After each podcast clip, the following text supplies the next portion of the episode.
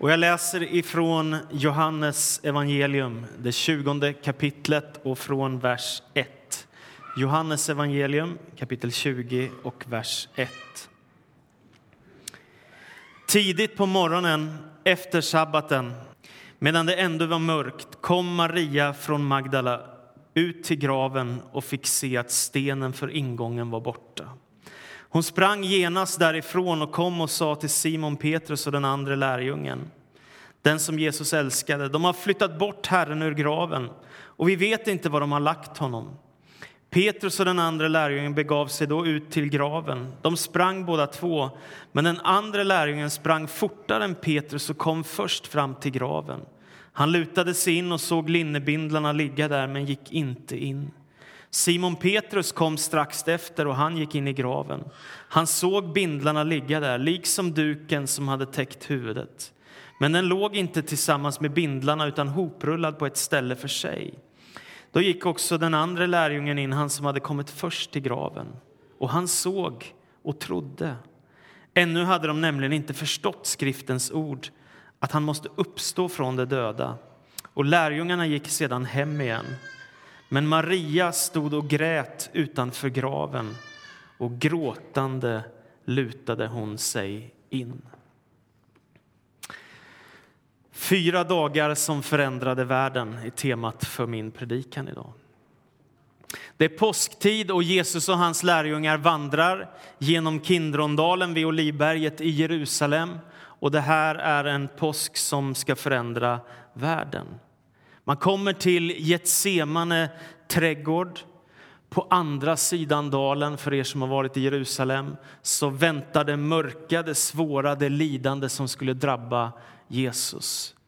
Därför börjar Jesu fruktansvärda, intensiva bönekamp. Han kämpar med Gud. Han kämpar med Guds vilja. Gud, är det verkligen detta pris jag måste betala, att lida och dö för mänskligheten? Han är i ett semane som så många gånger, men detta är sista gången i hans liv han är där. Och hans stund är snart inne.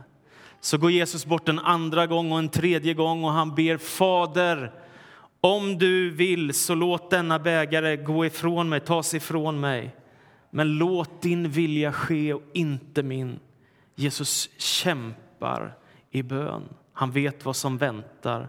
Han vet att han ska bli förrådd av Judas Iskariot. Han vet att han ska bli korsfäst. Därför drabbas Jesus av en fruktansvärt svår ångest.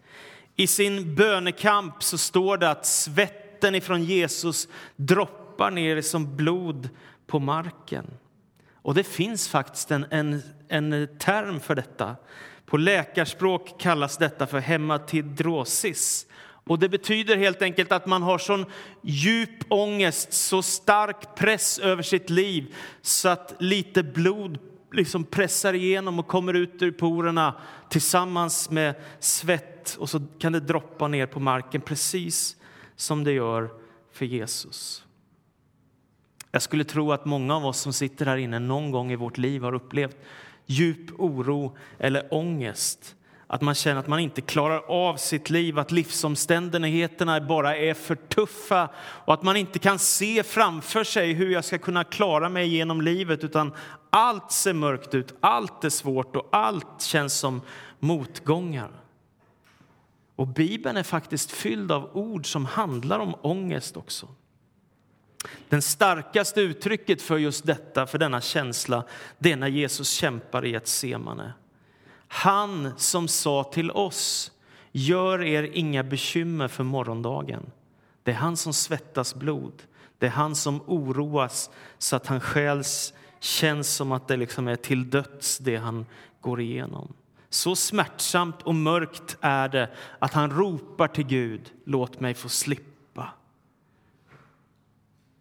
jag tänker också på den profetiska hälsningen från profeten Jesaja. 700 år före att Jesus kommer, då säger han profetiskt Natt ska vika där nu ångest råder. Och ändå med denna Messias profetia som är så tydlig och stark så är det just detta som drabbar Messias. Ångest, oro. Han lider redan i ett semane så går Jesus tillbaka till sina lärjungar som ligger och sover. De har inte fattat riktigt hur allvarligt det är för Jesus den här påsken. Och det som då händer när Jesus väcker sina lärjungar det är att det kommer en folkhop vandrande mot Getsemane och lärjungarna hör nu kommer det andra människor och en av dem som vandrar tillsammans med den här folkhopen av soldater, överstepräster och andra officerare det är Judas Iskariot. Judas söker sig in i ett semane, går fram till Jesus och kysser honom på kinden. Vilket djupt förräderi. Det som handlar om innerlighet, det vackraste uttryck man kan ge för kärlek, att kyssa en vän, vilket vi inte gör så mycket i Sverige, men jag är med om det i Grekland varje gång jag kommer dit, där min familj, frus familj kommer ifrån. Ett innerligt uttryck för vänskap och kärlek. Så förråder Judas Jesus med en kyss. Petrus han är snabbt där och han har ett svärd med sig så han rycker sitt svärd och så går han fram till en av soldaterna som heter Malkos och så hugger han till och örat liksom blir helt söndertrasat. Jesus går direkt fram till Malkos, rör vid hans öra, botar honom och gör honom frisk igen och säger till Petrus, lugna dig. Den som strider med svärd ska själv gå under av svärd. Det enda blod som ska utgjutas den här påsken det är Jesu eget blod. Så är det. De för iväg Jesus till översteprästens hus i Jerusalem. Där är de samlade och där följer Petrus efter på avstånd för att se vad som ska hända med Jesus så för de vidare Jesus till Pontius Pilatus som var ståthållare just vid den tid då Jesus är i Jerusalem omkring år 33 efter Kristus. Och en ståthållare var en slags ställföreträdare för kejsaren i Rom just på den plats där han fanns. Så i Jerusalem är Pontius Pilatus den som har den största makten ifrån kejsaren i Rom som en slags representant. Pilatus förhör Jesus han finner att han inte är skyldig till någonting av det som han har blivit anklagad för. Så han säger till folket som har samlats och till översteprästerna jag finner inte den här mannen skyldig till något ont. Jag ger honom en läxa och sedan ska jag släppa honom. Då ropar folket döda honom och låt oss se Barabbas gå fri. Barabbas som var en mördare som hade gjort upplopp i Jerusalem och istället så ropar folket släpp honom fri istället för Jesus, så som deras sed var vid påsk. Pilatus han blir alldeles ställd. Vad är detta? En oskyldig människa ska dömas till döden. Varför? Det är helt obegripligt för honom. Så han säger, men jag ger honom en läxa och sen så släpper jag honom. Det är, det är liksom inte så farligt, lugna ner lite så ungefär. Då ropar folket korsfäst honom, korsfäst honom, korsfäst honom. Uppviglade av översteprästerna och samma sak händer en tredje gång. Folket ropar och skriker och kräver att han ska korsfästas. Och tänk på att det inte är så väldigt lång tid som har gått sedan folket ropade Hosianna, välsignade han som kommer i Herrens namn. Hosianna i höjden. Nu ropar folket korsfäst honom, korsfäst honom. Pontius Pilatus han tar fram ett vattenkärl och så ställer han sig inför folket och så tvättar han sina händer och så säger han jag är oskyldig till den här mannens blod. Ni får ta detta på er. Och de ropar tillbaka. Det må komma över oss. Liksom. Han ska straffas. Han ska korsfästas. Så är det fredag morgon och det är dags att föra Jesus mot Golgata. Men det börjar med att man för Jesus till prygling. Han ska få 39 slag med en läderpiska med små metallbitar och benbitar längst ut på piskan för att det ska göra maximal skada när soldaterna slår. Så 39 slag, två soldater, varannat slag slår de på hans rygg tills de är färdiga. Och Jesus är naturligtvis alldeles sönderslagen och blodig på sin rygg. Och när det är färdigt så ska han föras mot Golgata. De tvingar honom att bära sitt eget kors och vandra på vägen via Dolorosa genom Jerusalem upp mot Golgata. Jag kan inte förstå hur han ens kunde orka bära korset. Så kommer man fram till Golgata utanför Jerusalems port. Där finns nu tre kors som väntar på att ta livet av två kriminella förbrytare och Jesus från Nasaret. Först så tar man upp pålarna och så sätter man ner dem i marken ordentligt, fäster fast dem så att de kan stå där.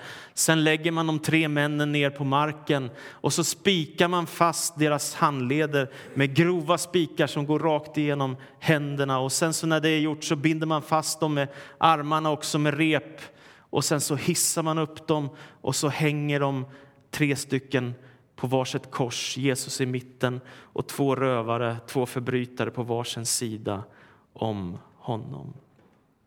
Sen tar de fram en grov spik och sätter ihop Jesu fötter och så slår de en spik rakt igenom båda fötterna för att han ska vara ordentligt fastnaglad vid korset. Och Det som är så grymt med korsfästelse det är ju att det tar så lång tid att dö. Det tar lång tid att dö. Och det är fruktansvärt svårt att andas när man hänger så här timma efter timma efter timma. Det gör ont varje gång man rör en hand, en fot eller någonting. En ofattbar smärta. Och till allt detta så är Jesus sönderpiskad på ryggen redan innan. När Jesus är fastspikad på Golgata och hänger där och det precis är färdigt, då säger han Fader, förlåt dem, för de vet inte vad de gör. Jag tycker det är obegripligt. Hur kan han säga en sån sak? Fader, förlåt dem, för de vet inte vad de gör. Och sen så hänger de upp en skylt ovanför Jesu huvud. Och där står det, detta är judarnas konung. En slags anklagelseskrift, nästan hädelse, tycker jag att göra så mot en människa. Korsfästelsen är, korsfästelsen är grym. I sex timmar hänger Jesus på Golgata kors. Han lider som en av alla dessa judiska martyrer som genom historien har fått ge sitt liv för just att man är jude eller för att man har någon övertygelse eller vad det nu är. Detta är mörka timmar i Jerusalem. Men så händer någonting dramatiskt och det är att det blir solförmörkelse. Det som inte sker särskilt ofta. Men just den här gången så händer det att det blir solförmörkelse. Och något väldigt märkligt kommer att hända i Jerusalems tempel. Jerusalems tempel är indelat i tre delar. Ett stort mäktigt tempel. Det var den yttre förgården dit det vanliga folket fick komma. Och sen så ett steg in i templet så var det heliga, dit där prästerna gick för att frambära offer och där man gjorde tjänst inför Gud, lovsjöng Gud och tände rökelse och alla möjliga saker. Och sen så allra längst in i templet fanns det allra heligaste. Och dit fick bara översteprästen gå en gång om året. Och när han gjorde det då hade han en, ett rep bundet omkring foten. För ifall han skulle dö in i det allra heligaste där arken fanns och de tio budorden och nådastolen och såna här märkliga saker och ängel, änglagestalter och sådär. Om han skulle dö där inne, översteprästen, då skulle de dra ut honom ifrån det allra heligaste. För ingen fick gå in där förutom översteprästen en gång om året på den stora försoningsdagen. Det var enda gången det hände. Och nu när Jesus dör på Golgata så ropar han Fader, i dina händer överlämnar jag min ande.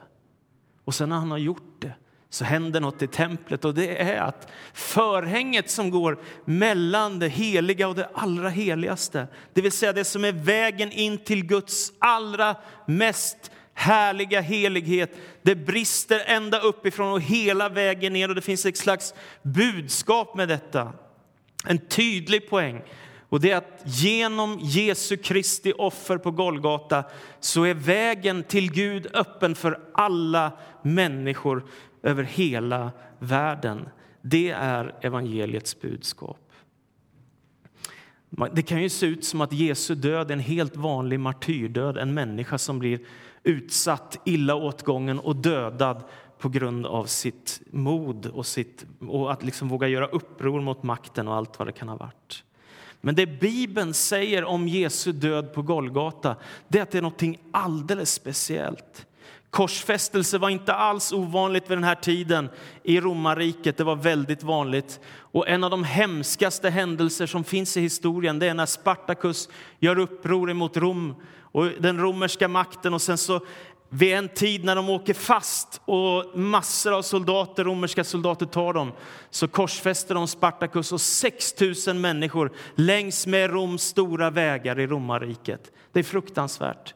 Och ändå är det något helt annat som händer när Jesus dör på Golgata. Och det har att göra med vem han är. För Bibeln säger att Jesus Kristus, han är Messias, den levande Gudens son. Och det betyder att när Jesus dör, ja, men då är det någonting som händer i hela världen. Någonting som påverkar den andliga världen, den fysiska världen, alla människor i alla tider.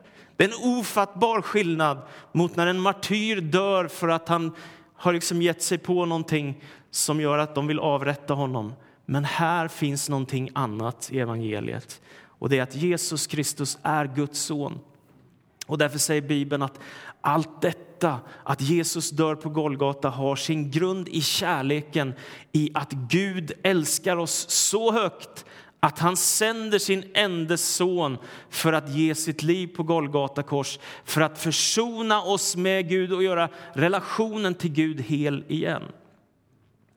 Och jag har ett sånt minne från mitt liv när min dotter var kanske tre, fyra år gammal och vi lämnade henne på dagis när vi bodde i Jönköping på den tiden. Och då var det så att, jag har berättat det någon gång förut, men det är en sån fantastisk illustration. Hon klev upp på skohyllan inne där inne på förskolan och där fanns det ett stort fönster. Och så stod den här lilla tjejen, min dotter, och tittade på mig. Och precis när jag skulle gå iväg så gjorde hon ett stort hjärta mot mig så här och det kändes nästan som gjorde ont i hjärtat på mig. Va? Lämna den här lilla flickan där på förskolan. Och precis då tänkte jag på just det, vilket pris Gud betalar när han offrar sin son för oss så högt. Han älskar oss så vanvettig hans kärlek är till oss när han försonar hela mänsklighetens synd. En av de vackraste gamla salmer som finns det är Sven Lidmans psalm som lyder så här. O salighet, o gåtfullhet, o Kristi törnekrona som mer än världens visdom vet och varje synd kan sona. Jag träder nu till korset fram ur dödens syndaländer att ge min själ liksom ett lamm i Jesu frälsarhänder. Nu all min synd du tagit har, av fröjd vill hjärtat gråta. Jag är ditt barn, du är min far, osalighetens gåta. Man kan knappt säga det vackrare än så. Jesus är död, och så går långfredagen och så kommer påskafton. Och då brukar många tänka att det händer inget på påskafton. Skärtorsdagen, just det, Getsemane och kampen, långfredagen, döden på korset och lidandet för vår skull. Påskafton, väntan. Nej, nej, nej, nej, nej. Så är det inte. För om man läser i första Petrus brev, det tredje kapitlet och den 18 och 19 versen så står det så här, lyssna. Kristus själv dog ju för era synder en gång för alla. Rättfärdig dog han för er orättfärdiga för att leda er till Gud.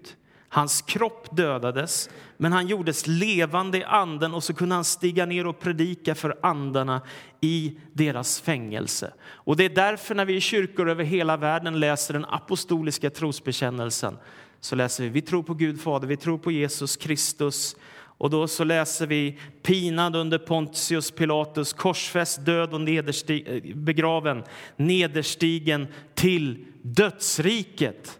Och vad menar vi med det? Jo, här är tydligt att det som Petrus ser framför sig det är att medan Jesus har dött fysiskt på Golgata och ropat ut orden om Fader, jag överlämnar min ande i dina händer, så ropar han också ett ord till. Och det är det är fullbordat. Det vill säga det är någonting mer som sker som har med frälsningen att göra. Och det står att Kristus stiger ner i dödsriket. Varför? Jo, för att proklamera sin seger också i dödens rike. Jag tycker det är fantastiskt. Det är inte bara fysiskt på Golgata i Jerusalem en gång år 33 efter Kristus, utan också i den andliga världen stiger Jesus ner för att visa i dödens rike att han har segrat också där. Och så står det i Uppenbarelsebokens första kapitel att han går ner dit, han stiger ner och sen så tar han nycklarna till döden och till dödsriket och säger jag var död och se, jag lever i evigheternas evighet. Och jag vet inte riktigt om jag har rätt, men jag tänker mig att han går ner och tar nycklarna ifrån djävulen och så, så visar han att det är han som äger segern över all ondska, över all djävulskap, över allt destruktivt som finns i denna världen. Jesus Kristus är Herre. Döden är en oerhört smärtsam upplevelse att vara med om. Vi är många människor, och säkert alla eller de flesta av oss här som har suttit vid en älskad väns dödsbädd. En pappa, en mamma, ett syskon, ett barn, en släkting, någon vän, någon arbetskamrat eller vad det är. Och ni som har gjort det, ni vet, det gör så fruktansvärt ont, det är så sorgligt, det är så smärtsamt. Och man önskar att man kunde ordna till allting och lösa alla problem. Och ibland så känns det som att döden har sista ordet. Den tar kål på oss, vårt liv här i världen. Och Det är därför jag tänker att det är så starkt att Jesus stiger ner i dödsriket.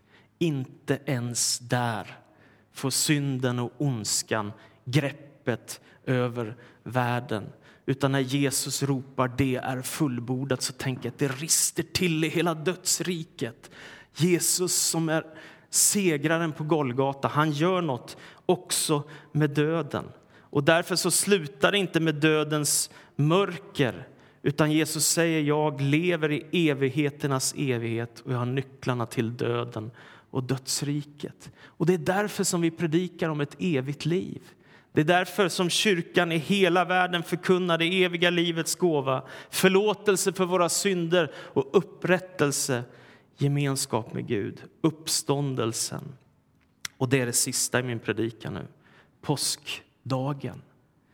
Skildringen av Jesu död på Golgata är naturligtvis en av höjdpunkterna i det som kallas för passionshistorien.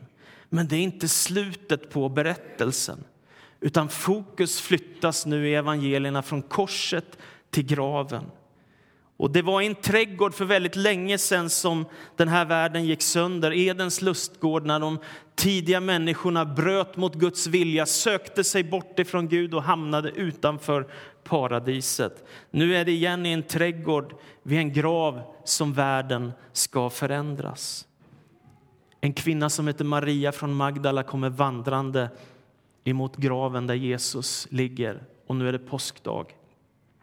Tidigt på morgonen kommer hon och hon funderar på vem ska kunna flytta på stenen som är så stor som ligger framför graven. Hur ska vi kunna göra detta? Hon ville ju se Jesus igen. Så står hon där, hon går vidare och så kommer hon fram och så ser hon att stenen framför graven är bortrullad. Vad har hänt? Så hon springer in där och tänker nu är det någon som har tagit Jesu kropp. Han är borta. Vad har hänt? Vem har gjort detta? Hur ska det gå nu? Och hon blir alldeles upprörd. Maria börjar gråta. Hon hämtar Johannes och Petrus och de kommer dit och ser att det är tomt i graven och han är borta och det finns ingen Jesus där. Så Maria står och gråter, tänker att någon har rövat bort Jesus. Och så utanför graven så möter hon en man som säger Maria. Och Maria vänder på sig och ser det Jesus som hon möter igen. Som svarar rabbi eller mästare. mästare. Och tänker kanske någon av er detta är fullständigt omöjligt. Jajamensan, det här är helt omöjligt. Är man död så är man död, jag vet. Men här finns någonting helt annat. Om man kan våga tro att Gud har skapat världen, om man kan våga tro att Gud har hela världen i sina händer, om Gud har sänt sin son Jesus Kristus till världen för att dö för mänsklighetens synd och försona människa och Gud igen, då är uppståndelsen ifrån de döda i Jesus Kristus en småsak för Gud. Det är en liten sak för Gud att ge liv till Kristus. Och Det står i Nya testamentet att i kraft av den helige Ande så väcker Gud Jesus upp ifrån de döda. Han står upp igen och han lever i evigheternas evighet. Och så är han segraren från Golgata. Till sist, när Johannes på sin ålderdom får se in i himlen i Uppenbarelsebokens femte kapitel så ser han att Gud sitter med en bokrulle i sina händer. Och det är liksom, den är hopsnurrad och förseglad med sju sigill. Och det beror på att detta är liksom historien, framtiden som Gud har i sina händer. Och så står det att ingen var värdig att se in i boken eller bryta sigillen. Och Johannes han börjar gråta. Och då står det i Uppenbarelseboken 5 och 5 att en av de äldste säger gråt inte, se han har segrat lejonet av judastam, skottet från Davids rot. Och det budskapet vill jag skicka med dig idag in i ditt vardagsliv.